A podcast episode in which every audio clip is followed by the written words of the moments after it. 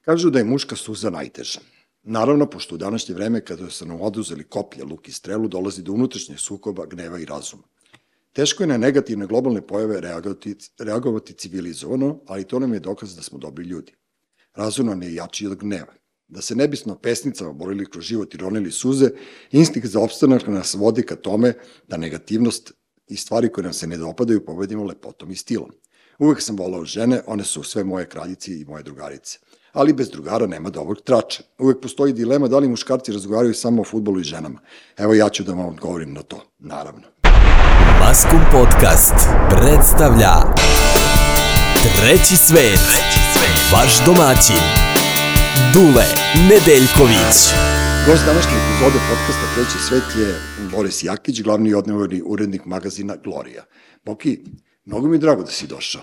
Hvala ti takođe. E, a znaš zašto mi je drago da si došao? Pošto ja nisam smeo da izađem prvo dva meseca kad sam dobio bebu iz gajbe. Ili sam, mora, ili sam imao onaj vedlok, onu našu nanogicu od svoje supruge, pa kao sve što nije išlo u opis radnog mesta. Imam naruku. sve što nije išlo u opis, znaš, ono, ko, broja koraka od gajbe do šljake ili već kako je bilo, ja sam ovaj dobio žuti karton zašto ne pomaže. A znaš šta je problem? Problem je zato što muškarci sebi sami stavljaju nanogice. Aha. Ako si ti zaslužio nečije poverenje i svojim odnosom tokom večeri koji ću ja odraditi svoju smenu večeras. A, dobro to, dobro. O, iskusno, iskusno. onda sam dobio slobodno, tako da ja iz kancelarije dolazim kod tebe i mm. veliko ne, zadovoljstvo. Dobro, e, naravno da, da, da smo mi ono kao pokušavali da pobegnemo ili već ne znam šta, ali mi mi smo u stvari svi dobri očevi. Ti imaš i stariju čerkicu Tako koja je ono jedna prelepa devojka i vidi se da, da, da uživaš i, i u, u roditeljstvu, a i sad kad si dobio ovo malo dete, nekako, ja mnogo volim malu decu, znaš, ali mislim da, da, da više neću imati malo dete, tako Neki da ono... Neki naši zajednički drugari, neki... Mhm.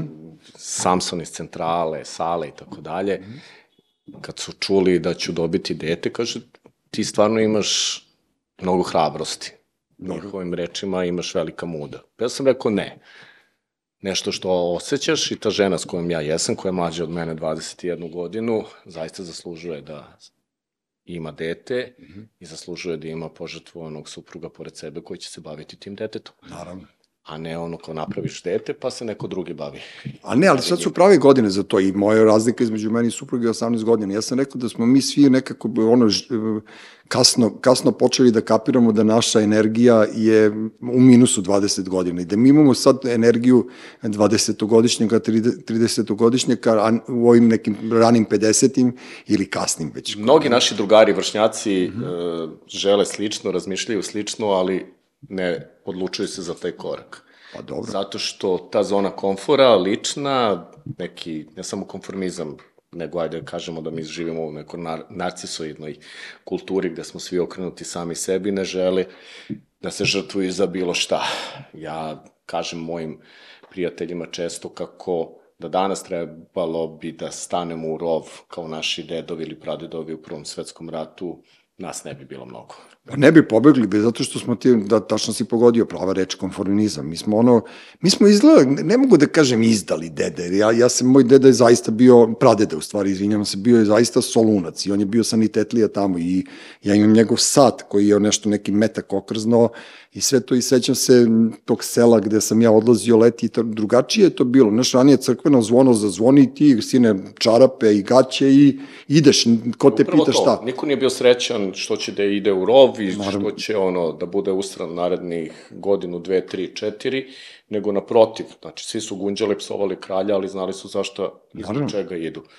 Moj deda, to ti je zanimljiva priča sa Ćaletove strane, odnosno Jakić, je bio diplomata predratni, onako, ozbiljna faca, i on je bio šef komisije koja je istraživala ubistvo kao parijski đak, završio Sorbonu, pravni fakultet, ovaj, ko stoji za ubistvo kralja Aleksandra. Ali kako je on postao parijski đak? Nije zato što je moj čukun deda njemu dao keš i da, da, da nego zato što je on sa 17 godina iz prve Beogradske gimnazije sa svojom trojicom ortaka krenuo da se povlači 915. sa srpskom vojskom i prešao u Albaniju, gde su mu promrsli prsti, na jednoj nozi nije imao amputirana su mu tri prsta, na drugoj dva, i on je kao stipendista fonda kralja Petra I bio na Sorboni i završio je tek 1920. došao u Srbiju. Bio poliglota, pet jezika govorio, ozbiljan, ozbiljan lik i ozbiljna faca. I sad ti gledaš kako zapravo negde se vrednosti kroz te generacije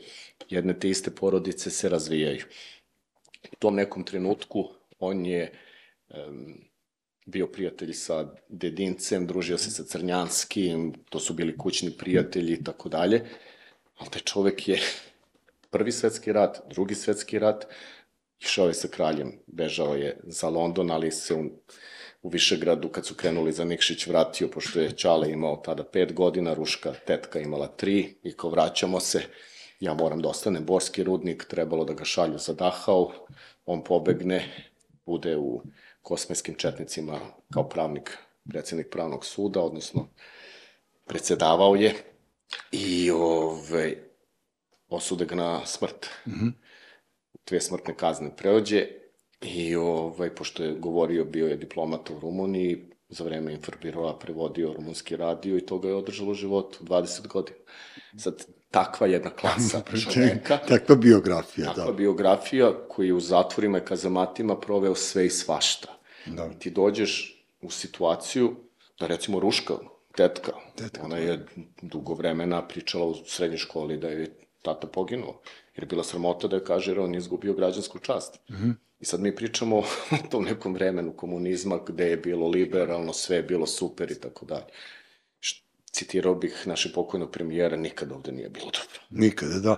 Ali vidiš kako je to zanimljiva priča i sad e, ne, naš, naši preci, to kad, kad, kad pogledaš, ljudi su počeli da seku nešto u korenu što, što uopšte ne treba da se seče. I, i, i ja sam recimo na tu, bukvalno omertu naleteo u moj deda Milorad je navodno izvršio sam ubistvo 41. Poranio Milorad. Poranio Milorad, da. On je navodno izvršio sam ubistvo 41. godine. Ja gledam njegove sinove, moje dva strica i čaleta, ja ne znam, e, ono, duhovitije, raspoloženije ljude. Oni su sve, ono, ša, smeh, e, muzika, naš kao kafane, e, imali su neku liniju uzlaznu u životu, naročito moj otac koji je došao ovde u Beograd pa postao to što je postao.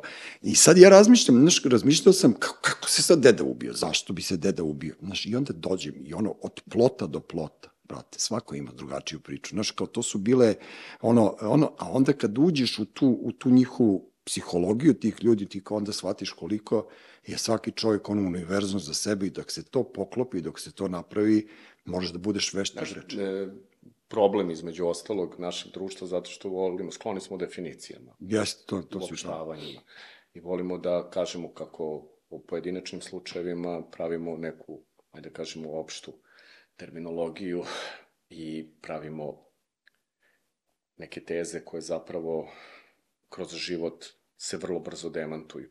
Ali ti onda shvatiš, tek negde dolazimo ponovo do sazrevanja pod kasne dane, tek negde shvatiš ono da si kao individualac ono što jesi. Da. I mala digresija, moju sestričinu koju sam nasledio, pošto mi je sestra preminula relativno skoro i o kojoj vodim računa, sam učen da bude dobar čovek. Nema 21 godinu i dobre devojke, onako, koji svi njeni vršnjaci, mm -hmm. tele, teletabis, nema emociju, nema ekspresiju emocije, bilo kakve. Može, hvala, da. dobar dan, kako ste, kao da je naučila neku definiciju. Ali uči mi, budi samo dobar čovek. To što si ti dobar student i tako dalje, sve to lepo i to će tebi omogućiti određene benefit, benefite u životu, ali ti budi dobar čovek. Da, najteže je biti dobar Najteže. Ne, to je, to je, to je jako teško i onda to, znaš, ja sam, e, nažalost, pod stare dane, počeo da kapiram da, znaš, kada kažu ono, sad si pomenuo, smrt koja nas je pratila dve godine intenzivno, ono baš nas je onako kao singerica svaki, svakog dana nešto. Ja sam shvatio da sam ne počeo da cenim ljude, nego sam shvatio da koliko sam voleo neke ljude kad, kad su otišli, razumeš? I onda mi je bilo žao što se nisam više posvetio, onda kad pomislim, onda, onda shvatim da jesam se posvetio. Recimo, e, naš zajednički drugar Igor Karanov, kad je umro, ja sam bukvalno umro s njim tog dana, to je bilo nešto neverovatno. I onda sam bio u fazonu, čekaj, on je mene zvao u u, u, u drinku da popijemo rakiju, ali kao jebote, popili smo ih dosta, kao, znaš, kao, valjda, je, valjda smo popili sve svoje, valjda smo ispričali nekih i više priča i sad kao taj Karanov, kakav da je bio, ovaj, meni kad je majka umrla, ja sam trebao da dam tekst za Playboy i potpuno sam, ne zaboravio, nego nisam znao, ja sam postao nešto, nemam pojma šta, da bih posle mesec dana uzeo taj Playboy, čitao i video da, da, da, da sam ja napisao tekst, ali da ga nisam ja pisao. Znači, on je ušao u moju glavu, on meni nije rekao ništa, ništa, on je samo objavio to i rekao mi, maturi, čekate honorar. Znaš, i to, to su nekad, kad ti neko drži leđa i onda takav čovjek kad umre, I onda pročitam ono tvoje na, na Facebooku, taj, taj epitaf Igoru, ja prosto ono, znaš, kao, brate, zato sam i pomenuo muške suze. Postoji, znam zašto si to pomenuo i znam šta želiš da postaviš kao temu. Vrlo mi je blisko to, izgubiš roditelja u 16 dana. Što da, vidio sam to, da. E, izgubiš sestru, izgubiš negde čitavu životnu scenografiju koja te je pratila. Kapit. I sad, naravno, svi mi kao mali egocentrici i narcisi, kako su nas vaspitavali naši roditelji, u određenom trenutku se suočimo, ti si sledeći. To je neminovno. To je egzistencijalno pitanje. Verujem Kapira. da jeste. Ja bežim od toga, znam, znam da jeste, ali, ali ja bežim od toga. Da, da, da. da. Kad je neko, kao što si spomenuo našeg drugara Igora, otišao preko reda, kao da je žurio. Da I to je čovek za koga mi mislimo, je kao krenut ću ga telefonom, dobit ću ovaj telefon, treba mi od ovoga, ajde Igore, možeš da mi napišeš ovo. E, a pri tome je bio najbolji pisac među novinarima. Ja boljeg pisca među novinarima nisam upoznao. Ja boljeg urednika među novinarima I nisam upoznao. duboko, duboko žalim zbog toga što nešto nije ostavio za sobom. Jer da. često smo pričali o tome, a on je bio možda malo neskroman, pa je stalno govorio dok ne budem izbrusio rečenicu onako kako ja želim da je izbrusim, neću se upuštati. Bio je temeljan, da, evo, ja, evo, verovo, i ne sad gledam u telefonu, ja njega nisam izbrisao. Znači, da. ja obično imam tu foru da Na šta je bilo spuki? Prošle nedelje mi se javio na Viberu, neko je aktivirao njegov broj koji Igor Karanov. Ja, brate, nemoj mi. Srce mi je stalo. Da, ne, ne, nisam izbrisao njegov broj, baš, baš to, kao koliko sam ih izbrisao, to je neverovatno. Da, kad pričamo već o njemu, kažem ti, on je bio dobar, dobar urednik, on je, bio, on je, znao, on je znao da radi E, taj posao koji ti si ostao, ja, ja nisam čovjek koji ima dlaku na jeziku i sad ono, taj, ja sam veliki fan magazina i, i, i, i u stvari ja sam veliki fan print štampe bio. Jako teško sam se skinuo sa dnevne štampe, magazini su za mene ne, neću da, znaš, mnogo ljudi poznajem, ne bih da vređam nikoga, ali kao ako hoću da pročitam neki dobar intervju, brate, ja kupim Gloriju majke mi rođene i to, i to je neverovatno koliko si ti, u stvari koliko si ti uspeo da da u novinu koja je u stvari kao, kako ti kažem, style, neki, ono kao, ne znam... Celebrity. Jeste, fotografije i to uspeo si da uvučeš neke vrlo bitne stvari i neke vrlo bitne spriče i neke vrlo bitne razgovore. I pritom imate najgenijalniju rubriku u, u, u novinama, to je ono od A do Z. Tako je. Jer to je bukvalno testament. Yes. Ja sam, e, spremajući se kao da za ovo to gledao sam šta si ti sve radio, ovo ono, naletao na Marka Živića, na Vlastova Islavljevića i bio sam u fazonu, brate, ja idem ja lagano iz ovog Google-a, jer ono kao našta komunikacija je bitno, to ostaju, ostaju zapisane reči i zapisane u stvari e, ono što su ti ljudi voleli. E, mi živimo u vremenu te hipernove gde se podilazi ukusu većine, ali šta je ukus većine? E, to hoću da te pitam. E, šta je ukus većine? Šta je ukus većine? E, moja najveća satisfakcija je upravo ovo što si ti sada rekao kada mene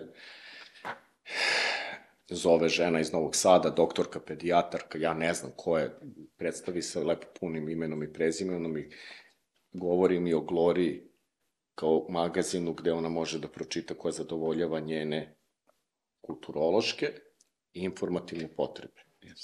Nije trivialna. I to je negde moja najveća satisfakcija, jer novinarstvo ne smatram e, tranzicijom kroz život, blefom, e, pa ćemo reći provincijski blef, danas ćemo da uradimo ovo i bit ću PR nekoj poznatoj ličnosti i ta poznata ličnost će mi nešto dati svog života. Ne. Ako se ti ozbiljno baviš svojim poslom, uređuješ magazin kao što je Gloria, ti ćeš u svakom broju imati tri dobre priče i to je negde moj testament mm -hmm. Gloriji. I zato nije čudo što, evo, držiš tu ispred sebe taj da. poslednji broj, što tu Kalinu Kalvačević je preneo ceo region između ostalog. Između ostalog, da. to je intervju s njom ili je to... Da, intervju. Da. Mi obično neobično, u 90% slučajeva upravni govor, znači intervju, intervju, Da, a da, rec, ne, to mi je, to mi je jasno. Reci mi samo, čekaj, ti si u Gloriju ubacivo i Felton Freddie Mercury, je li tako? bilo? Jesi, imaš ovde u ovom poslednjem broju Eltona Johna, 75 godina. Elton John, si čitao ovaj, njegovu Kako ne? biografiju, da Rocketman je ono kao bio, ja kažem, on je bio najluđi lik ono rock'n'rolla, zaista Pati, Rocketman obrađuje samo do 80. godina. Da. Posle toga je on pravio gomilu gluposti. Dobro. Ne znam, evo ti jedna trivija, aukciju koju je održao 88. godine, pošto je on, ajde da kažemo, najbizarniji trošađija među tim slavnim svetom, mm -hmm. bizarniji od Nikolasa Cage-a. I on je organizovao ko se odbija ovaj, prodaju 2000 bizarnih stvari koje je kupio, koje je shvatio da mu nisu potrebne. Dobro. I on je na toj aukciji zaradio 15 miliona funti. Da, Dobro. e, njegov e, frajer, odnosno suprug David Furnish, e, njegova kancelarija se nalazi u njihovoj kući u tramvaju koji je ovaj kupio u Melbourneu.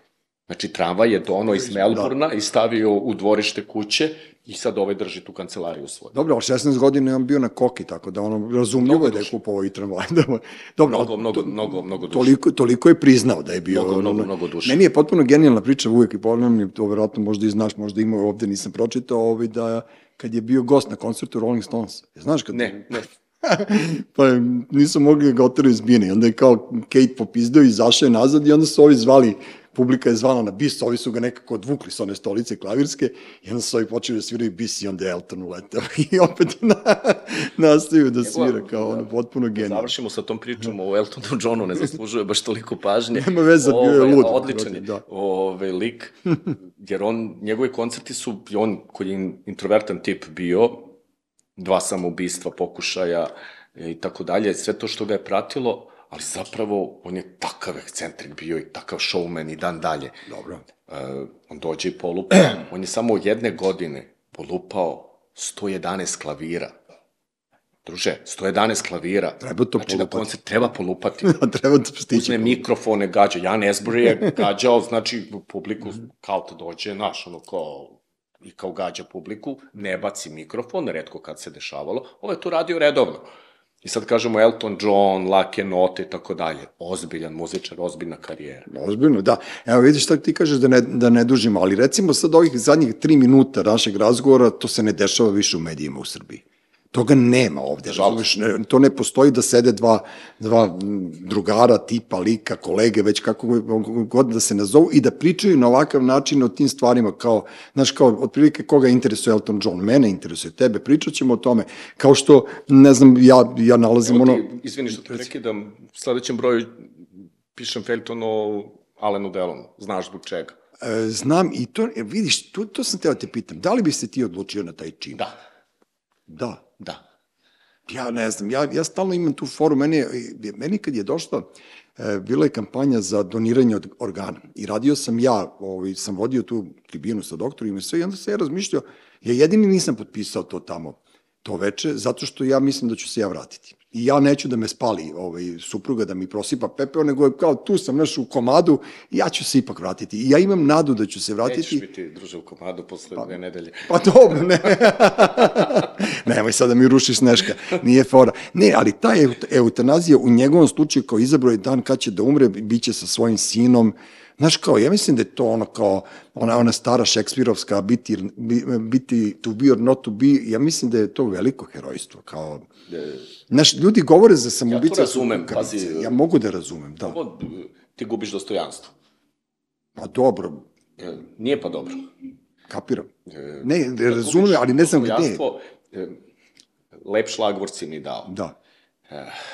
Moj čale, koji inače poznavao Alana Delona, Mhm. između ostalog, eh, on mu je nabacio tu ljilju ribu iz Lotus bara, malo se tome zna, zbog čega je Alan Delon, kad je radio ovde Marka Pola 62. Mhm. ostao u Beogradu umesto tri nedelje, tri meseca. Dobro. Da, vrlo zanimljiva trivija. Mhm. I tu priču jako dobro znam, ali ti govorim sada pravim paralelu sa mojim ocem, moj čale, 79 godina, Keva je preminula i on to ne kapira i ja ga kupam. I on plače, Dobro. kadi, i kaže mi, e šta sam dočekao da me ti kupaš? Ja kažem, pa čale, I meni idu suze, ali se smejem, pokušam da, Da. ga... Ja kažem, pa čale, ko će da te kupa nego ja? Ja ću najbolje da te okupam. I ti si to radio sreti, dedi, mm. -hmm. ovome o kome sam ti pričao. Kaže, jok, nisam ja nikad kupao sretu. Misliš da sam ja luda kupam sretu? Da. Druga priča je bila. ja, ja njega držim u rukama i ne znam sad da li da se, znaš, ono, da li da se smejem ili da plačem, idu mi suze i urlam od smeha koliko to ima duha. A, Kaže, nisam ja... nisam ja njega kupio, kao je bol gde, ono Nisam ja luda kupam sretu, jesi ti lud.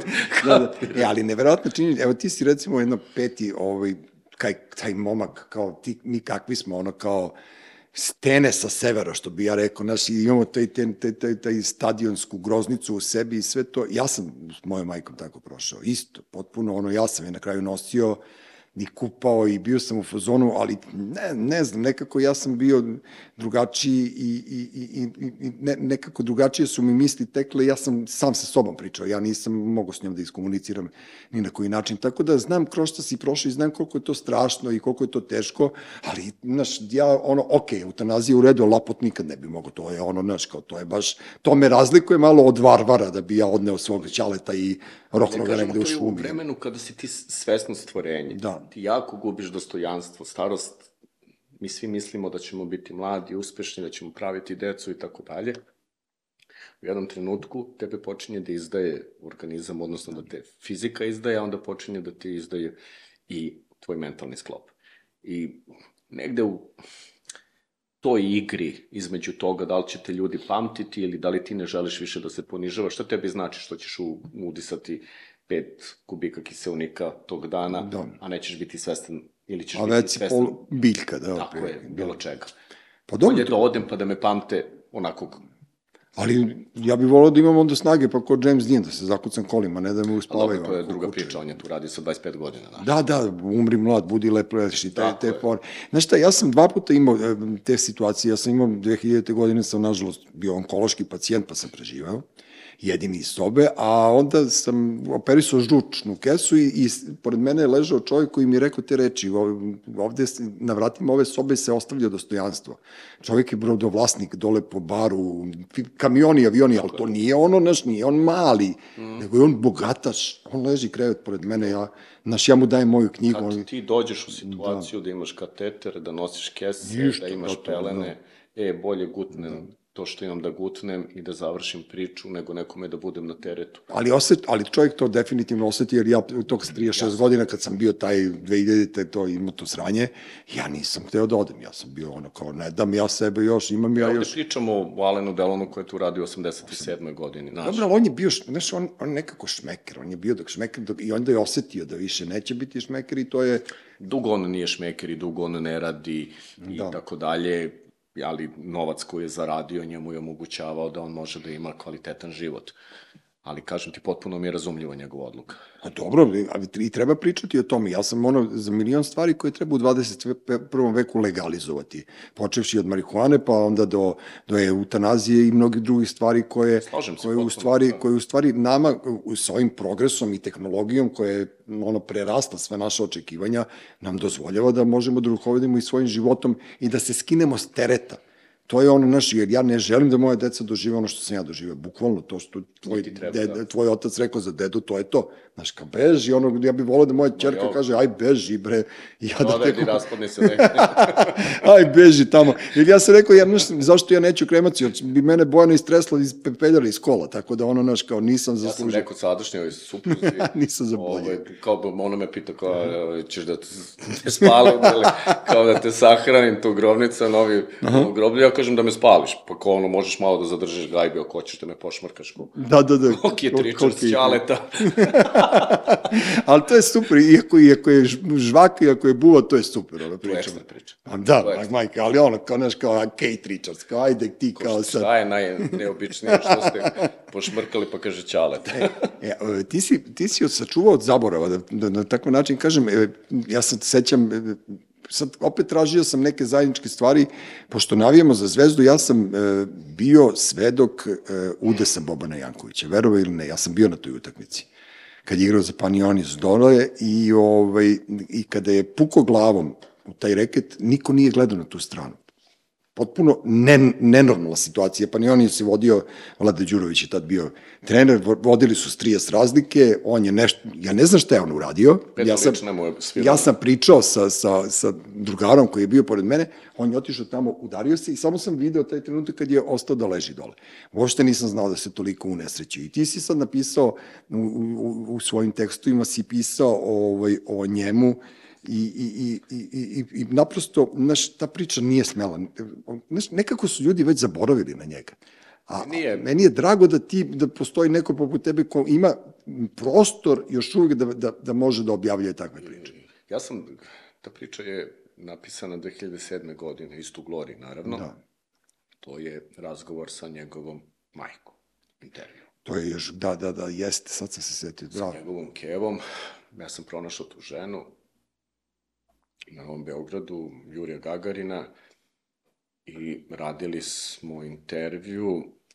Žena je do kraja života nosila crninu i ona je ispričala poslednje godine života Bobana Jankovića. To je tragična priča za nas kao zvezdaše. Guza Janković predstavlja, pa ne mogu da kažem, jednu od ikona košarkaškog kluba Ali je bio- 80. godina. Ali je bio deo te generacije Ali- koje smo volili. to je da kažemo, Zvezda je ti godina imala problem zato što je Cibona bila to što je Da. bila. Mi smo igrali neka finala sa njima bili smo jako dobri, imali smo jako dobru ekipu, Žeravica je bio jako dobar trener, ali mi nismo osvajali ništa. A Guza Janković je negde svima nama bio, bio sinonim istrajnosti, volje da ostaješ u klubu koji voliš i za koji navijaš i bez obzira da li ti ide. I on je definitivno uticao na stvaranje moje neke navijačke etike. Mhm. Da bih ja navijao za Zvezdu i da Zvezda, evo sad ispadne u Srpsku ligu. Da, da, da, Srpska liga je to. Beograd. Milvov. Jest. Da, Idem tu, ne proživljavam svoje lične neuspehe kroz uspehe mog kluba ili obrnuto, nego naprotiv, volim svoj klub, bez obzira na njegove rezultate. Volao bih da moj klub uvek bude prvak Evrope, ali sam svestan da to nije realno i uvek ću ga podržavati. Mi smo imali čak i ono na Facebooku neko prozivanje, ako se sećaš, pre 5-6 godina, možda i više, kada si ti rekao, e, ovi kao zvezda ovakva, onakva, voliš svoj klub iako mu ide loše. A dobro, ja sam to ispizdao malo iz drugih raz- razloga, ali... Ja sam iš, išao na taj sever i to sam išao da kupujem kartu, iako sam mogao da uđem i tako dalje, 40.000 ljudi, Vladan Lukić, predsednik, nas 20-orica je bilo tamo kada su navijači Sale Mutavi i ostali dolazili da rasture Marakanu, kad su oni igrali utakmicu, pa smo se zatekli, to je bilo svašta je tu. Bilo, dobro. Znači, poštujemo sve, ali ne damo na sebe. I to je vrlo jasno. Uvek je to bilo tako. Ja sam posle Muslinove e, odlaska malo se naljutio na, na upravu i to, ali to je, kako ti kažem, to je moj intimni odnos sa... Nisam ja nijednog trenutka... prolazne. Ne, nisam nijednog trenutka prestao da volim zvezdu. Ja sam išao na gostovanja milion. Ja sam, e, ja sam trošio i vreme i novac i, i zdravlje putujući po tim vukojebinama gde su sve bili. si lepo rekao. Razumeš, da nisam ali- jedan od onih manekena, ja po svojoj nekoj poziciji bih mogao da putujem sa zvezdom, da idem, ne, ja plaćam iz svog džepa, Naravno, bar bi da volio... idem da gledam i niko ne može da kaže, e, kao, slušaj, e, ti to radiš, neko te plaća, jok. Ja nisam iz tog sektora, ne znam, ono, glumčića, pevačića i ostalih koje oni vode i šetaju ko majmune tamo i plaćaju, ja to ne radim. Ne, ja, pa, Platim, odem i gledam svoj klub. ja imam svoju člansku kartu, moja je 0077939 i to je moja članska karta Znaš ko je meni doneo prvu člansku kartu, imao sam 7 godina, Mihael Keri, ti ga sigurno pamtiš. Ne, Mihaj Keri, plava i broj 5. Da, on je, pa on je igrao paru sa Muslima. Ovaj, Mihael Keri je ovaj, moj ujak. Stvarno. Da, on je oženio moju, odnosno uh, moj teča, oženio je moju tetku mm -hmm. i ja imam Stelu i Baneta, brata i sestru koji su u- Americi, naravno, Ozbiljno? žive, da. On je dobar igrač bio. To je, ta, ta generacija bila dobra. Meni je, me, nam, Ove kopačke sam dobio od njega sa 7 godina za rođendan. naš kum je bio Slobodan Ćosić. On je stanovao, mislim, ja sam stanovao u Michael 842 u 39 i ja imam, tako je. ja imam ovaj, enciklopedije s- e, sportskog kluba Crvena zvezda i to je od atletike do šaha. I ja dan danas to čuvam i on je meni dao tu prvu člansku kartu, pa sam posle imao, nemam pojma šta sam sve imao, ali to sam htio ti kažem, makoliko koliko sam imao šanse, ja sam volao da, da idem u svojoj organizaciji. Znaš, nisam hteo da idem s navijačkim busevima, to me smaralo. Išli smo kolima ili smo išli avionom ili... Ma, Ja sam kuklinac išao na hemoroj ture, recimo u Bari sam išao busom, ali Dobro, ja sam otišao avionom i ne znam kako sam ušao u avion, ali ja sam tad ono radio u jatu pa sam imao kombinacije da uzmem i to je stvarno bilo trpano kao u, u, u, mi smo išli, u Auschwitzu. to je ozbiljno, ozbiljno, ozbiljno, ono, da. negalaštvo, ja želim neku spomenicu za Čekaj, to. ti, se- ti svestan da, da sada, recimo, u ovim godinama, sve kad bi mi neko rekao, čekate najbolja riba na svetu, najbolje, najbolje ručak na svetu, tona zlata da ja ne bi busom išao do barija, nema, nema šanse, ali možda bi išao A kad ja, bi Zvezda... boga mi, za zvezdu, za nove finale išao bih. Ne, kad bi, kad bi Zvezda igrala, išao bi, ali sad kao da ja napravim tu Boga foru... mi, da im- i, i na Vespi bi otišao. A dobro, Vespa je špekarica, ono, kao naš, malo, malo svratiš ovde, onde. E, bio sam i ti, e, ali najgore gostovanje mi je bilo u Drezdenu, tako da, znaš, kao imao sam ja tu ovaj, divnih momenta, znaš, kad sećaš se nečega i sećam se Sem da ti toga... ispričam moje gostovanje u Splitu 90. Smeš ako smeš. Znači ja krenem u prvu školu i sad moja ekipica gde su nastali Heroesi na Mhm. Lionu, braća Ilić i sad debeli Ilke sretne me u trole u 28. Ja sam zvezdarac. Idem u prvu gimnaziju i on kao gde si krenuo, ja kažem idem u školu posle podne. I on kao ide s nama u Split. Ma kaže, ma ja, ajde, idemo u Split. Ma kaže, ajde s nama u Split. Ma kao da ga odjavim, jako, pa imam, nemam lova, imam 200 dinara kod sebe, reda veličine, da, u, imaš više od mene, kao ajde idemo. I nateraju njih dvojca mene, mi u Split, znači devetog, Čale Keva nemaju pojma gde sam ja, šta sam, mi dođemo u Split. Mislim, još dok smo došli do Splita, tu prolaziš Slavoniju, ulaze- Vinkovci, Osijek, Zagreb, je, jeste, jeste. da. Ulaze navijači i tako dalje. Krenulo to neko tvrdo jezgro, ja ne mogu sada da se zakunem koliko je bilo, ali između 300 i 500 ljudi iz Beograda. I mi smo kao, ja sa sve rancem za školu. A imam geografiju. Sa, sa kecanjem, da, da, da, ono školska bluza, da. Ove, ulazimo u Solin. E sad, Solin je za nas eks rođen u ex-Jugoslaviji, kao bitno mesto, zato što je tu neki radnički pokret se stvarao i tako dalje, i to je kao stanica pre ulaska u Split. A nekada je Splitska stanica železnička bila gotovo na rivi. Znam, Znaš. Ne, dobro, ja znam šta pričaš, ali ja puštam da objasniš gledalcima, slušalcima. bukvalno prepešačiš 200 metara i ti si na, na, na molo, ideš na, na feribot, odnosno ideš na trajekt i to je to. I mi dođemo ovaj, u Solin, oni saustave voz i samo se pročuje jednom, kaže ovo su namerno uradili mm -hmm. i samo krene lomljavina, kamenje, kamenje, a to je tako uzak prolaz da ti ne možeš da izađeš, da otvoriš vrata od vagona. Pošto bi naravno, mi bismo želeli malo da se bijemo se- sa Torcidom, da, da, da, da. da. nas to. I oni razlupaju tu voz, mi dođemo tamo, čeka nas Torcida i u Splitu. I od u Kninu, gde god smo tu stajali, ušlo je mnogo zvezdaša. Bilo je u vozu 3000 ljudi. Mi kad smo došli, moj utisak je bio da je ostalo nas 300-500 iz Beograda koji smo krenuli. Znači, lica koje sam ja prepoznavao na početku putovanja, video sam i Da. tu. Brke, verovatno, ovi policajci koji su bili bili su Srbi, pretpostavljam, jer su ono bili potpuno nezainteresovani. Znaš, onako, na onim stojadinima naklaćeni, ko baš ih briga. sede, boli ih uvo. Brate, ih uvo i gledaju kako se miš, ono... A dobro, pod- lepa, lepa vremena bila. A znaš šta, to je, to je bila bratska ljubav između svih nas. Ja, mene niko nikad nije ostavio. Znaš, da, da to, ja sam imao po Maksimiru te, ono, iznenađujuće scene kada usred neke tu jurnjave, čobi pokojni, moj drugar sa Voždovca, stane i digne dete koje je palo s onog u Maksimirskom parku bio onaj konjić i on stane i podigne i, i onda nastaje da se šiva. A sad kad si rekao to za kintu, baš čobi, to mi krećemo, ne znam gde smo krenuli, i on kaže, ma daj, kao šta će ti lova, kao evo, evo, sad, kaže, ja imam ja lovu kod sebe. I ovi dolazimo, sla, onaj sanduk za sladoled i kaže, sad će puknem sve pare koje sam ponao dajte mi dva lenija. I tako, i onda smo mi tako, tako išli na putovanja. Boga mi, mi smo se nalazili tamo s njima, razumeš, ono je i u Rimu, ja sam čak i do Trondheim, do Trondheima uspeo da, da dobacim. Da, da, volao sam to, to je meni nekako jedina kolektivna svest kojoj sam želeo iskreno da pripadam, to je bila ta zvezdina Ja stadionska. obično nekim prijateljicama, poznanicama, kad ih upoznajem i sad kao, e, startuje ih neki frajer, pa sad one se razmišljaju šta i kako, ja kažem, navijač, nebitno za koga, ali iskreno. Da. I ono, pa jo, ako nije zainteresovan, batali. Beži ti od Neće njega, te da, proda, da. Znači, na prvoj krivini. Znači, onaj ko nije spreman da se žrtvuje za svoj kolektivitet, neće da se žrtvuje ni za tebe pojedinačno. Naravno. Kraj priče. Ali ne, ali to je ostalo, kako ti U muškoj etici to tako funkcioniše.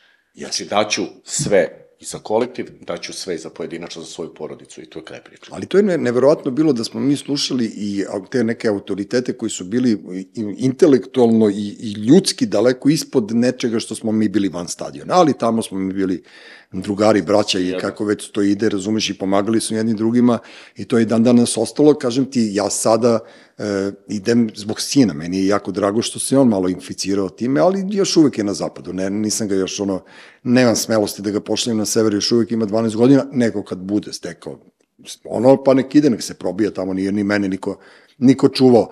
To, to su lepe stvari i to su divne stvari kojih se treba sećati. Još neke stvari koje ti radiš mnogo lepo u Gloriji je to da ne daš da se zaboravljaju neke beogradske priče. Ono o beogradskom fantomu, recimo, to je... Ali vidiš, e, e, ne znam da se sećaš u toj količini toga što ti istovaruješ, malo se to razlikovalo od one, one uobičajene žvake o fantomu i, i o, o filmu koji su, naročito film je meni potpuno pogrešno, ja se sećam nekih segmenata toga kad je on obilazio po Slaviji, ali nešto su ono film, Pazi, Vasa, Vas, Vasa Opel, kao i većina likova u našoj, ajde da kažemo, beogradskoj mitologiji, je dobio real nekog velikog buntovnika i borca protiv ajde da kažemo, socijalističkog ili komunističkog režima, što on zapravo nije bio.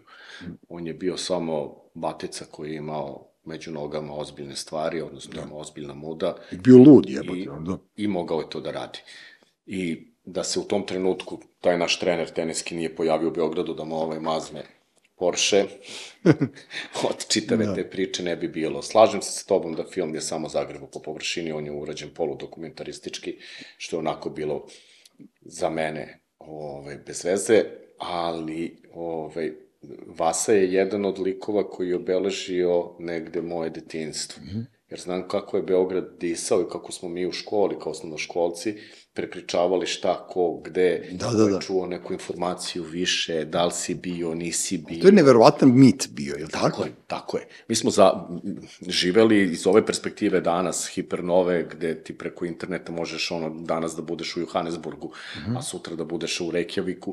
Nama to sad deluje, odnosno klincima, verovatno to deluje iracionalno, bez veze. Da. Znaš, ono, kod, ali snimaka vasenih vratolomija po beogradskim ulicama nema. Nema, nema, to je, ali DB je bio ozbiljna firma koja je to sve uništio, znači, tu je kraj priče. on ih je ponižavao, jebi Ja ga, znam žešće. čoveka, Ćaletovog dobrog prijatelja, gore iz Milana Rakića, koji nama onako porodično razvijao filmove, odnosno dođe na moj rođendan, pa na slika i tako dalje, i bavio se fotografijom. Inače je bio elektrotehničar, inženjer.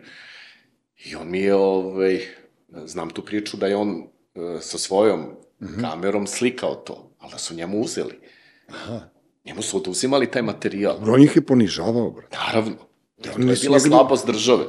Pa ti se sećaš ove priče da je Pandur gađao onom stop tablicom, ono kao, koliko su oni bili nemoćni, kao nisu mogli da im objasne, pa su onaj bus parkirali, pa ovo, ali ja se, se ja se sećam, ja sam stanuo u Majke Rosime, ljudi su stolice, one, kako se zove, tronožac nosili, je. Koklice nosili. i sednu i čekaju A bude termos idemo. idemo da gledamo. Slavija i tu je. se nađođe i navijaju za njega. To je isto ono kao što su navijali za Bika na, na koridi Natašu, kao ono, da su ono, posle se španski matadori čudili, kao, brate, svude navijaju za nas, ovi jedini navijaju za Bika. Da, to, da, to su neke stvari. Ove, e, poznaješ mnogo ljudi i sa mnogo ljudi si se družio, e, ono, isto tako i ja imam neke kao te neke priče s nekim ljudima, ali ti nekako to drugačije, ti imaš, e, imaš imaš iskustvo, imaš pamet da na, na neki pravi način dočaraš to.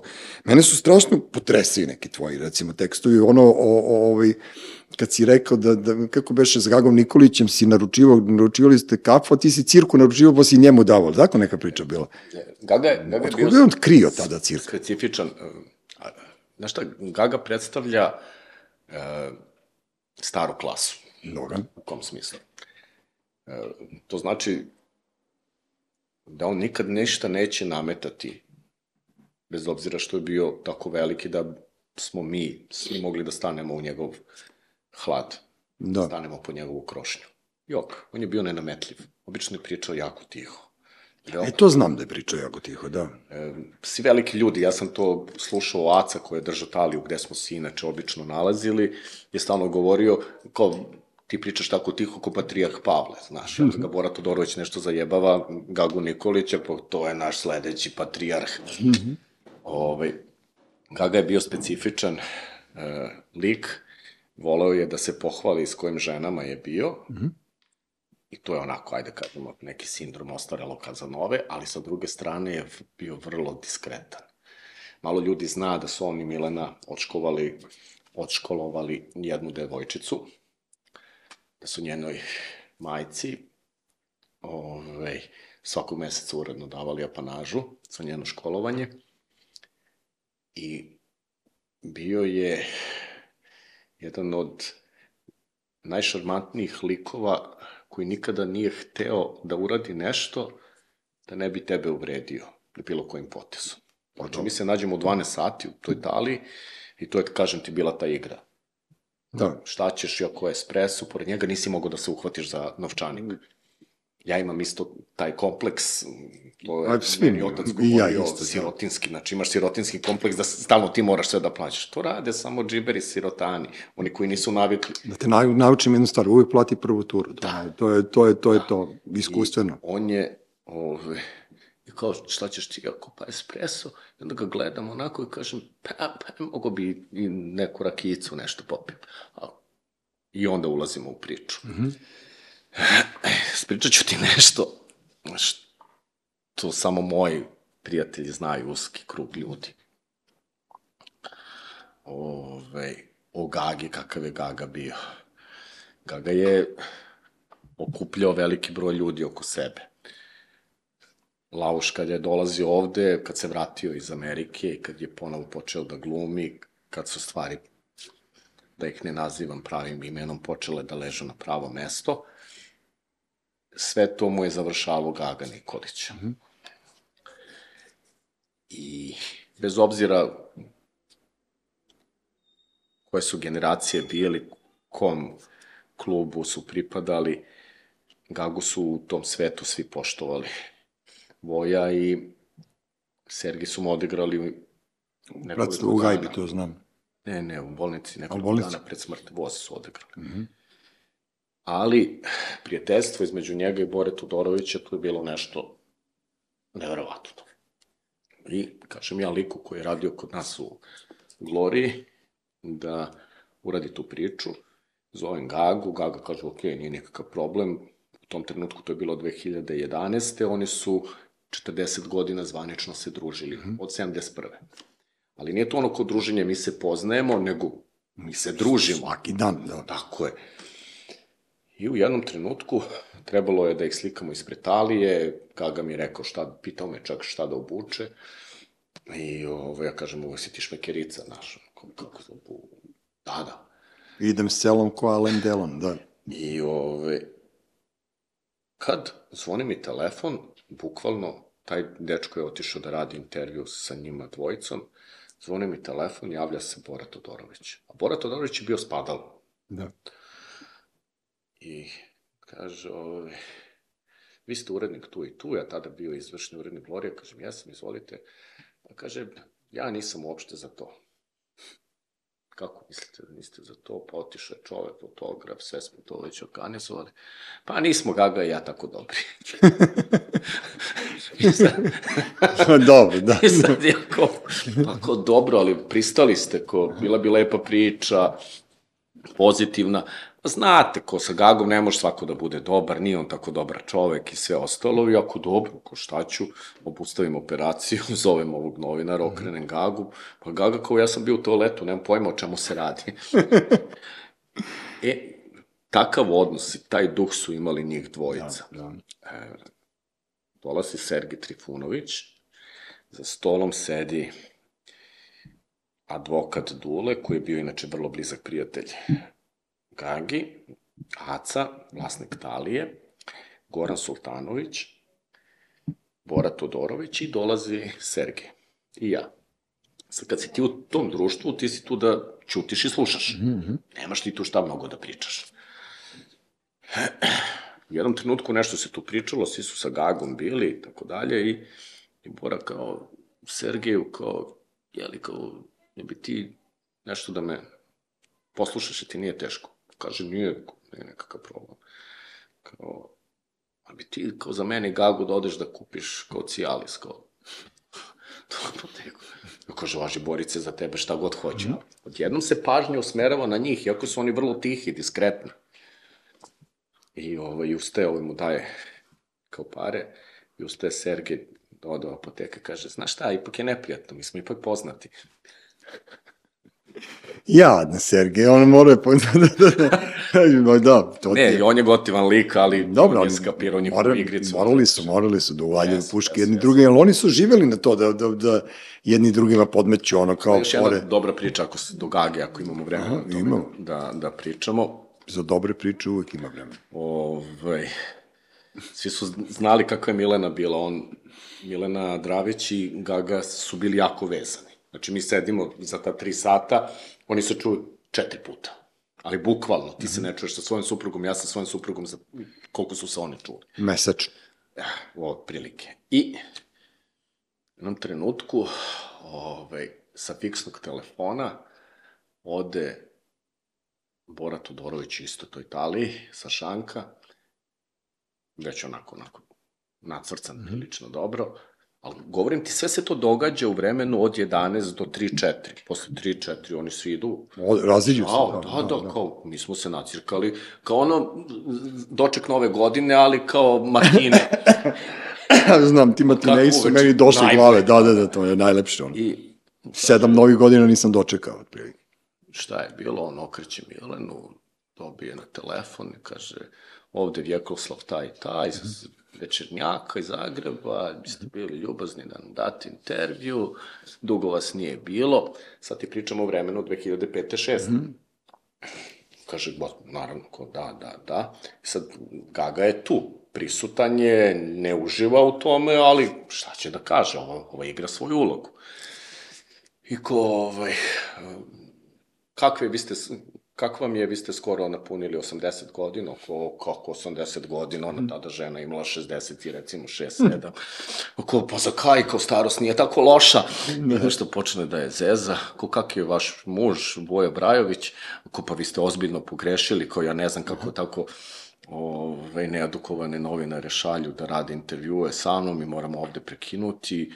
Moj suprug je Draga Nikolić, a zar on još živ? Da, da, da, da, da. Priča tu ne bi ono bila kompletna da Milena nije rekla Gagi da je dala intervju večernjaku i da se Dobro. čuđavala kako je, jel te, Neko novinar nije znao. bio neobavešten o tome ko je njen suprug. I ovaj jadnik, šta će kao, koluta očima. I Pa dobro. Pa, alo, kao to je bio Bora.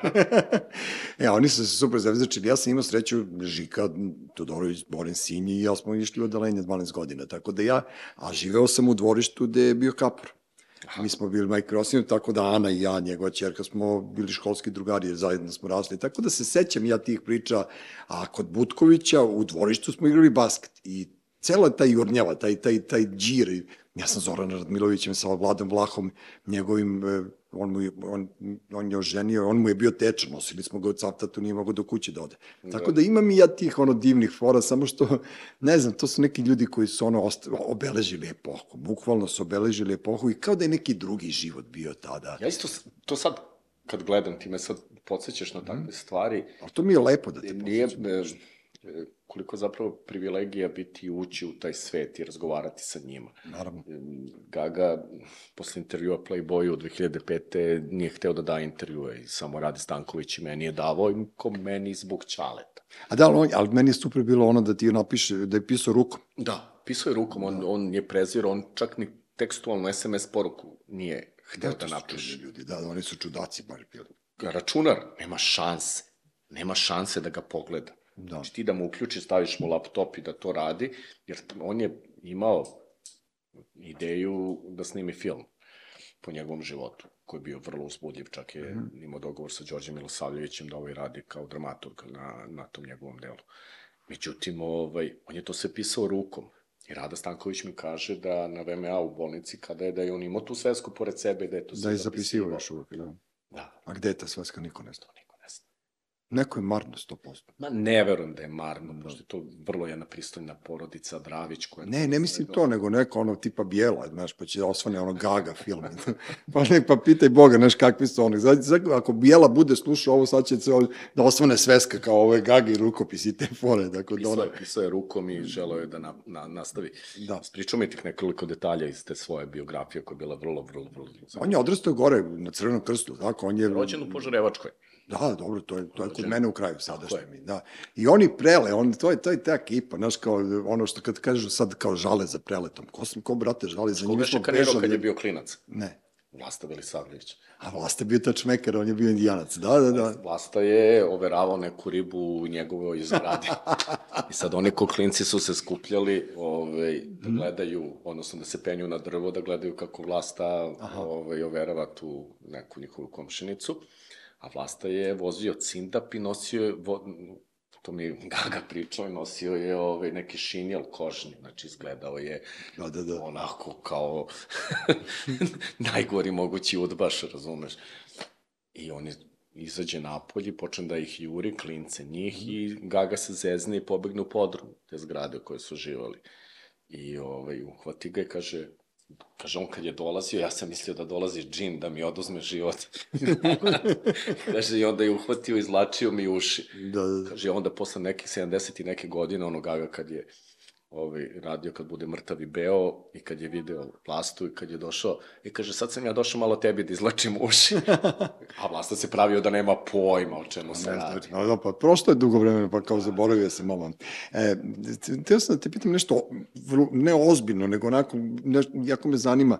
Ljudi su izgubili ovaj, e, e, naviku da čitaju magazine. Jesu. I, I meni je žao zbog toga. Kao što sam rekao na početku, ja sam bio veliki fan ovaj, print štampe, naročito magazina i sad, ta, sad Gloria je bukvalno ostala poslednji ono, e, svetionik nečega lepog. Razumeš, e, e, opet se vraćam na to lepe fotografije, e, ti- ti si sad rekao da imaš tri razgovora, tri intervjua, imaš tu rubrike razno razne, može, može svašta nešto da se dobije u interakciji sa tim magazinom, za razliku od e, političkih, uslovno rečeno, magazina koji su već ono potpuno izgubili bukvalno svaki smisao. Meni je žao ljudi koji rade tamo u tim magazinima, jer ja, ja znam dosta dobrih momaka i devojaka i već, to su već ljudi koji su u ozbiljnim godinama, koji se još uvek bave tim ono, trivialnim stvarima. I zašto je to tako? Ni- Nije mi jasno. Za, zašto, je moralo, zašto je moralo da, da bude ubijen print? Pa si, print, Ka, kakva, je, kakva je šteta od printa može da se print, bude? print, kao print nije prevaziđen medij. E, Zašto ti to kažem? Kažem ti, posle svetske ekonomske krize 2008. kada je print ovaj, zapao veliku krizu prvo u Americi, pa se to prelilo 2010. na Evropu, pa se to 2012. 14. 16. prelilo tek na Srbiju. Ove, print je pokazao sve svoje slabosti. A zašto? Zato što e, print je nešto što se podrazumeva da ljudi imaju vremena da odvoje za sebe i za neku svoju ličnu nadgradnju. Naravno. Da ti sedneš, pa da prelistaš, pa možeš onda da konzumiraš i Coca-Colinu reklamu, Milkinu reklamu ili nekog drugog oglašivača velikog niveu koji ti je u printu. Međutim, ljudi su zbog svetske ekonomske krize morali, bili prinuđeni da rade dva, tri posla. Mm -hmm. Izgubili su naviku. Prvo su se odrekli kupovine štampe, a u to vreme negde paralelno se razvijao internet svet, mnogo intenzivnije kao i društvene mreže. I zato ti danas imaš poluinformisane ljude koji o svemu znaju po nešto, a ni o čemu ne znaju sve. Da, tačno. I e, print je nekada bio, odnosno magazinsko novinarstvo, e, jako lep način i navika ljudi koji imaju dovoljno sredstava, ali dovoljno spremnosti da ulažu neko svoje neformalno obrazovanje. To su ljudi srednje klase. Ono što smo mi po definiciji smatrali ljudima koji su u državnoj službi, mm -hmm. zdravstvo, prosveta, Frizere. Tako, ali frizera je, tu se čita prstom. Dobro, to mi, ali ja to, ono, volim Tu te. se čita prstom. Govorim ti o ljudima koji dođu, kupe to i to pročitaju. Jasno. Jer to žele. Oni žele da se nešto nadgradi. Kao što je nekada bilo, ono, seti se Time, pa Newsweek, pa ne znam ni ja, pa su kod nas bili ozbiljni, Nin je bio, ja sam skupljao Ninove kao klinac, Jeste. znaš. Imao si sindikaciju različitih stranih medija koji su objavljivali po našoj štampi i tako dalje. E, 2019. Condé Nast, veliki svetski izdavač, je napravio istraživanje da se u Americi, ključujući on izdaju američki Vogue, da se print kao i GQ oporavio. Ne u onoj meri da je on bio Oj, da, 2008. i nikada neće imati te prihode i tu snagu ko što je imao tada, ali tamo se oporavio. Ovde, nažalost, zato što se sve radi upravo podilazeći Široko. najnižim, tako je, najnižim mogućim strastima, pa ćeš ti lako gledati o tome gola do peta učesnica Da, ali realitija. ono, obraćaš se onome ko nema telefon i ko nema kompjuter, otprilike u, u dnevnoj štampi, znaš, kao, gledam ja po svojoj trafici kao kupuje novine. Svi imaju, svi imaju računar Da. i svi imaju, makar da gledaju svoju decu na Skype-u, znaš. Otprilike, da. Da. Ali su izgubilo to, ja volim, ono, naš, ja sam imao ritual, čitam novine, pijem kafu, zapalim pljugu, to je, to je nekako se izgubilo, sve se ubrzalo i, i tačno je dovelo do, do te retardacije informacije. Majke mi rođene, to je, Svi su, svi su poluinformisani. bukvalno, da, ti kad uzmeš, ja kad kažem, znaš, ono, ako uzmeš Gloriju pa pročitaš, ne znam, sad smo spominjali Eltona Johna ili Alena Delona sledećem, ili spominjao si Freddie Mercury-a, taj biopik, ili pročitaš neku priču. Znaš, nije Olivera Balašević izabrala Gloriju pre dve nedelje da da nama ispovest prvu posle smrti Đolata. Nije ovo tu radila za džabe. Pa Ne, ja ti kažem, Glorija, ja ne znam zašto misliš, ono, Glorija je po meni najozbiljniji magazin gde možeš živu reč da čuješ i da pročitaš. Znaš, u, u čemu se radi? Zato što se od profesionalizma ne odstupa. Da. I dok sam ja tu, to će se tako raditi. I to je Boga mi, dugo si ti tu. Pa, sedam godina. Pa kad sedam godina, čerka mi je bilo prvi razred, kad si, kad si mi rekao ovde na ulici da si postao glavni urednik, znaš, tako da ono, ovako je prošlo. Jeste. Ali to je milion brojeva čoveče iza tebe. Da. Tako. Ne kaži bi bio. Reci mi, po kom kriterijumu ti, ehm, pošto si ti ono stara, old school, novinarska, ti si znao najveće, kako ti kažem, ono, te novinarske likove našeg vremena, ti si radio u Blicu, sad si mi pričao pre nego što smo se uključili ovde o toj akciji sa otporom, pa vi ste bili ono, totalno, naš, kao novinari, revolucionari. Sad si ti pre, prošao si celu tu školu, ili tako? Ti sve, sve ih znaš i sve vidiš. Kako si, jer si ostao s nekim u dobrim odnosima od ove ekipe što se kao navodno prodala? Što su ušli u neko, neko, nešto Pazi. što nije okej. Ja negde e, svoj krug prijatelja iz profesije držim vrlo bliski. Mi smo se prepoznali prevashodno po nekim, ajde kažemo, pro, poštujući profesionalne kriterijume, ali nekim po ličnim afinitetima. Dobro. Ja sam i sa Mirčetom i Kuljancem, on mi je dalje jako blizak intimus. E, Peru Gunjića i Čečena dugo nisam vidio, ali vidim da i oni su vrlo i dalje aktivni. To su svi ljudi koji, s kojima smo mi Radili, radili. da. S Vesom sam se vidio Dorčel Pacu, recimo, pre dve godine, pa smo ono seli, videli se posle 100 godina, pa smo cirkali i tako dalje. Svi ljudi za koje sam ja verovao da dele prave vrednosti, ljudske vrednosti, ne Da. samo profesionalne, Da. nego da su pre svega dobri ljudi, i o tome smo pričali. Budi dobar čovek, pa sve ostalo. Naravno. Znaš, sve ostalo će doći ili neće doći, ali ti budeš dobar čovek. Ja tebe mogu da gledam u oči, ti mene možeš da gledaš u oči, ničega da se ne stidim.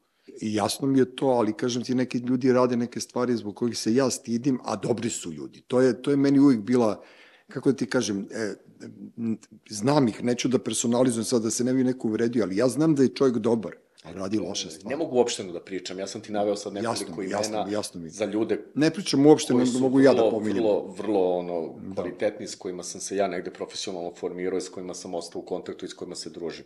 Čak sam skoro video i Manju Vukotića, znači ono čoveka koji je izmislio novinarstvo, Da, ja da, da, da. mislim, u, u Srbiji, koji je okej, on se bavi iz, iz, izdavačku kuću, da. tako, izdavačku kuću ima i, kako bih ti rekao, vrlo informisan. Sve zna. Sve zna. Znači, njega zoveš, on čvorište bi Da. bolje znao o stvarima nego koji su ono kao izvršni urednici u određenim dnevnim izdanjima. Da, ali su poluobrazovani. Sad ova nova ekipa, tako što je zasule se televizije i zasuli su se, radio više ni ne postoji taj, tipa, taj govorni ili ne znam sad ti neki podcasti pokušavaju da vrate neku slavu radija, međutim, sad, nešto, vraćaju se kao, kao što su se vratile gramofonske ploče, ja kapiram da će se vratiti i radio jednog dana, a i magazini.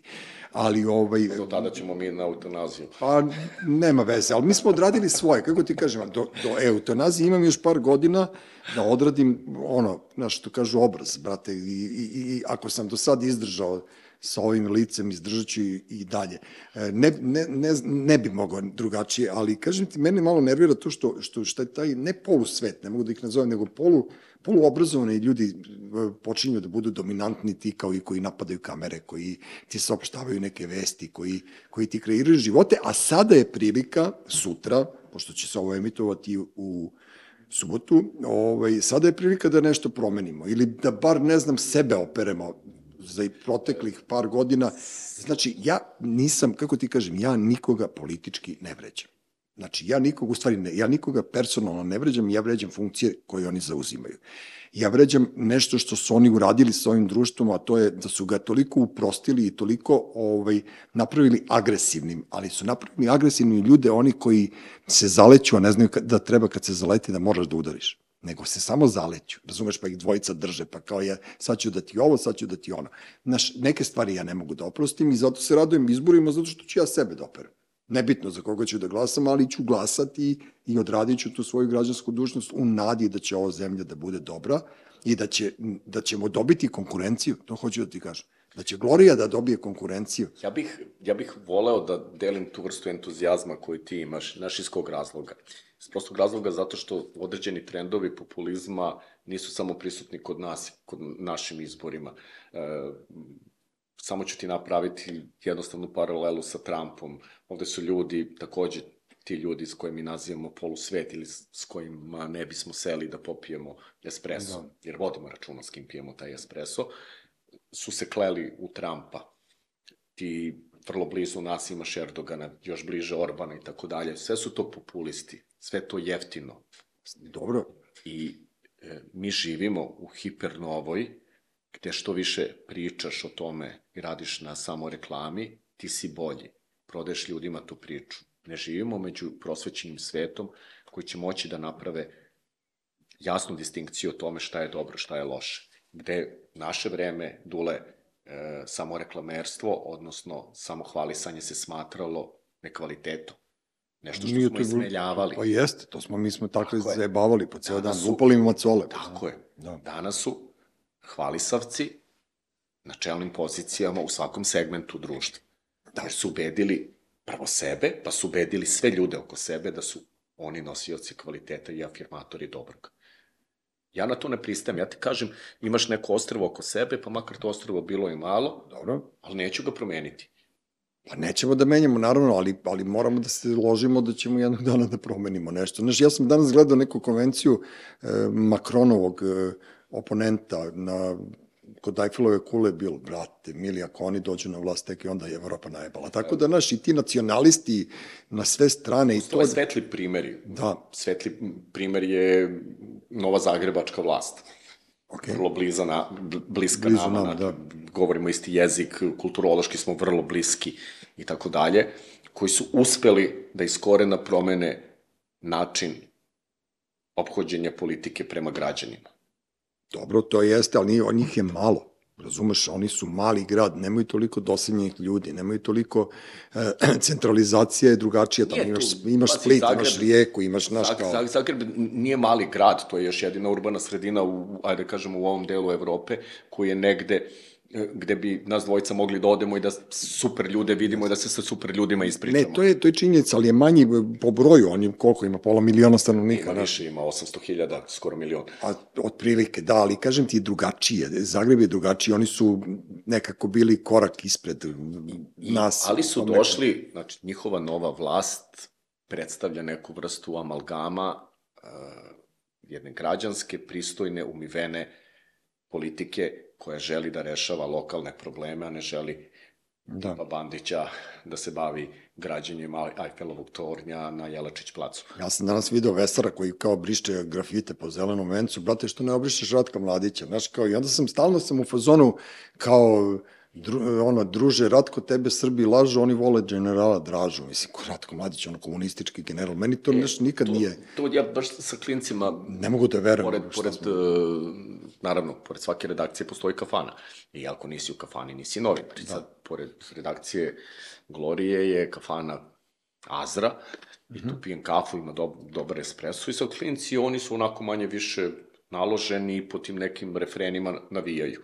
U smislu, mladić, mladić. Kažem, ali vi znate da je on bio načelnik knjinskog korpusa sa petokrakom na, Normalno, brate, on je skidao nama da. kokarde. Da. Znači, da. znate da je on 95. kad je postao načelnik Vojske Republike Srpske, takođe, pre nego što je stavio Mišićevu šapku, nosio petokrak. Petokraku, brate, da. da.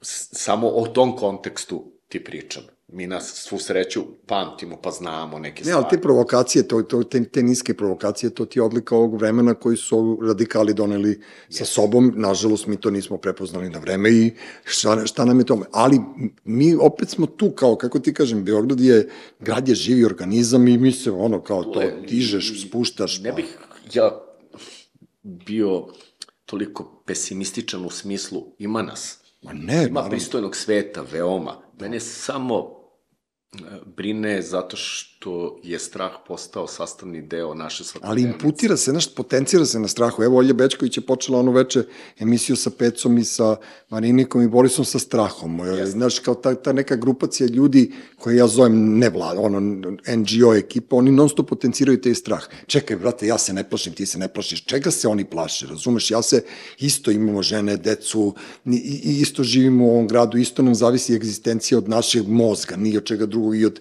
toga u kakvoj smo formi, da li mogu da ustanem ujutru iz kreveta ili ne. Što, od čega se plaše? Znaš, kao, kako su uspeli da dođu do toga da se zastraše? Ja sam što nešto ne skoro napisao, Majke. znači ljudi su dovedeni u situaciju da, izgub, da razmišljaju, da su u strahu, da izgube ono malo ili ono mnogo što imaju. Ti kad razmišljaš o tome šta bi mogao da izgubiš, pa ja kažem ni Novak Đoković ne bi izašao na teren ukoliko razmišlja šta bi mogao da izgubi. Naravno, Znači brate. ja idem da pobedim. Svako od nas. E, Znaš, kao pušim, pijem, glavom bijem, otprilike to je to. Kad sam teo da ti kažem sad te borbe, ono kao što nas očekuju kroz život, ovaj, primetio sam da, da mnogo e, muškaraca moje generacije, malo mlađe, plus, minus, ovo, ono, svi ste bre jebate u dobroj formi. Pogledaj tebe, malo pre kad si mi stegao ruku, ja sam mislio ono kao, bio sam ono kao, kao kuće da sam pružio, znaš, kao gazdi. Jer trenirate, šta radite? bre? Da, da, da. da. Šta si se na to je primio? Stanje, nije, ja sam odavno. Aha. Čale, koga sam ti spominjao, on je bio, ajde, on je tvrdio da je prvi bilder u Beogradu, A to je, to je. posle Aleksića, naj, najjači Srbin, Ove, ali on me je navukao na to i ja od zaista svoje 19. godine, kad sam ono, pobegao u Francusku, vratio se, ja, Da, u, zdrav, u zdravom telu, zdrav duh. E, koju muziku slušaj? Izlaziš ti uopšte nekako? Da Gde, imam- gde, vi, gde vi glavni urednici Glorije izlazite? A ne, a ne, ša, a ne delegirate svoje ovaj, novinare po, po ovim, kako se zove, po ovim proslavama. pazi, moja, Ja, ne, ja tebe nikad nisam vidio ni na jedan prijem. ove, ja, ja izbegavam... Otiš, a bio sam na dva u životu. izbegavam te stvari, ali ne zato što ono, ko pripadam nekoj eliti, naprotiv, nego to što ja radim je krv posao. Ja sad kad bih tebi rekao ko proizvodi tu gloriju, koliko nas ima, i da svaki tekst u toj gloriji ja pročitam, opremim ga i Znam tako koliko dalje. vas ima, nema vas puno. Ne, Pa to- nema nas mnogo i to je krvav posao, to je rudarski posao. Ako hoćeš da ga radiš kvalitetno, to moraš da ga uradiš, da budeš sve vreme tu prisutan. Ja prosto nemam ono, niti želje, niti energije da idem po prijemima i da se tu producira. Ali postoje, kažem ti, ta neka ostrva od pastisa, od Dobro, to, drinke, od tih nekih lepih Plus- mesta gde popijemo kafu, gde popijemo piće sa našim prijateljima, malog pijaca, odem kod Pepe u gajbu nekad ako hoću da se Najedeš. izđuskam, da, da si izđuskam Da, da, da. kad on pušta muziku i to je to, nije često, leti kućica to je to. to je Pozdravi, pozdravi konvaricu u pastizu koja mi je napravila šat od džumbira pre neki dan. Brate, gorele su mi uši do malo pre, tako da ona izgleda, izgleda da je malo preterala. Ono kao, ja sam sad u poslednjih dva, tri meseca u tom fazonu zdrav život, kao naš, keto ishrana i to i kao ajde da se dovedem u red poslednji put, što bi rekao Peca Popović, poslednji put pred smrt da se dovedem u red, da budem još malo lep. Ovaj, puno ti hvala Boki što si došao, Hvala tebi, puno ti hvala, pozivu. užasno mi je drago da ja, ja volim, ja tebe volim, volim da pričam s tobom, volim da, da znam da si tu negde po gradu, volim naročito da znam da si tu negde na stadionu. Takođe, i uvek kad se, kad se vidimo, obradujem ti se, znaš, to, je već to je već nešto, ne, nešto drugačije. manifestacija neke emocije. Jeste. I, ovaj, I kako ti kažem, e, prošle nedelje e, je bila Una Nikolić i koja mi je rekla da ti ženski hromozoni kod e, pravih muškaraca su nešto najlepše što mogu da imaju. To je ta naša kao znaš, ne krijem ljubav prema nekom, ne krijem radost prema nekom, volim cveće, volim, ne znam, parfeme, volim, volim gloriju, volim, razumeš? Kažem, kažem e, ženama često da muškarac koji se bavi cvećem, koji a ja imam dvorište na svu sreću, pa se bavim time i to mi je mnogo stalo i to je neka vrsta relaksa. Ja isto. To je moj mentalni detoks.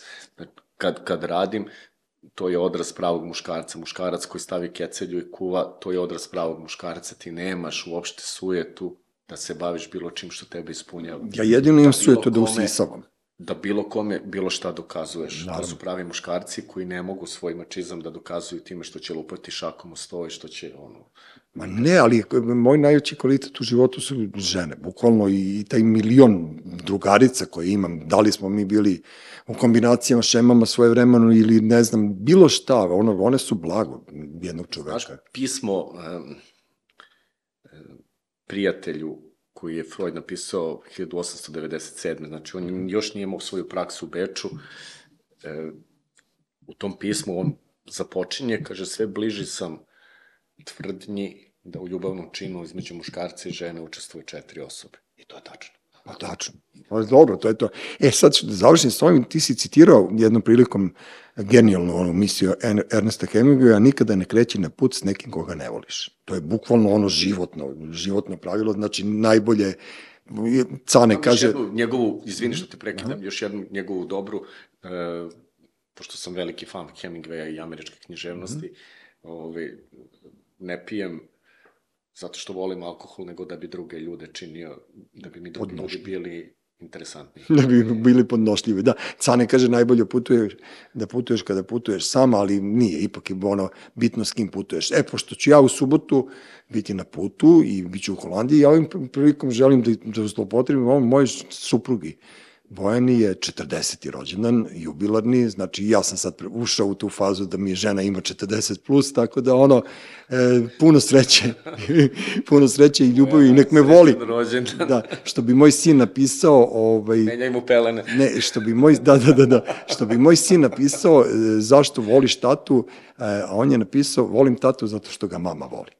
E, to, ti- to ti je ta priča, ono, Boris Jakić je bio gost Hvala. podcasta Treći svet, e, Uroš Bogdanović uvek s nama, uspeo je, uspeo je Uroš da se ne nakašlje ni jednom, pošto je ono čovjek e, prva žrtva alergije na svetu, tako da je on nulti pacijent svega što pliva i leti po ulicama, ove, čućemo se iduće srede, e, iduće, ne znam ja kada ćemo snimati, kad se vratim iz Holandije, dao Bog, a ove, ovo će se emitovati utorak, e, u subotu premijerno na YouTube kanalu Maskoma u 12 sati, e, a posle toga na svim e, audio platformama. Ćao, vidimo se.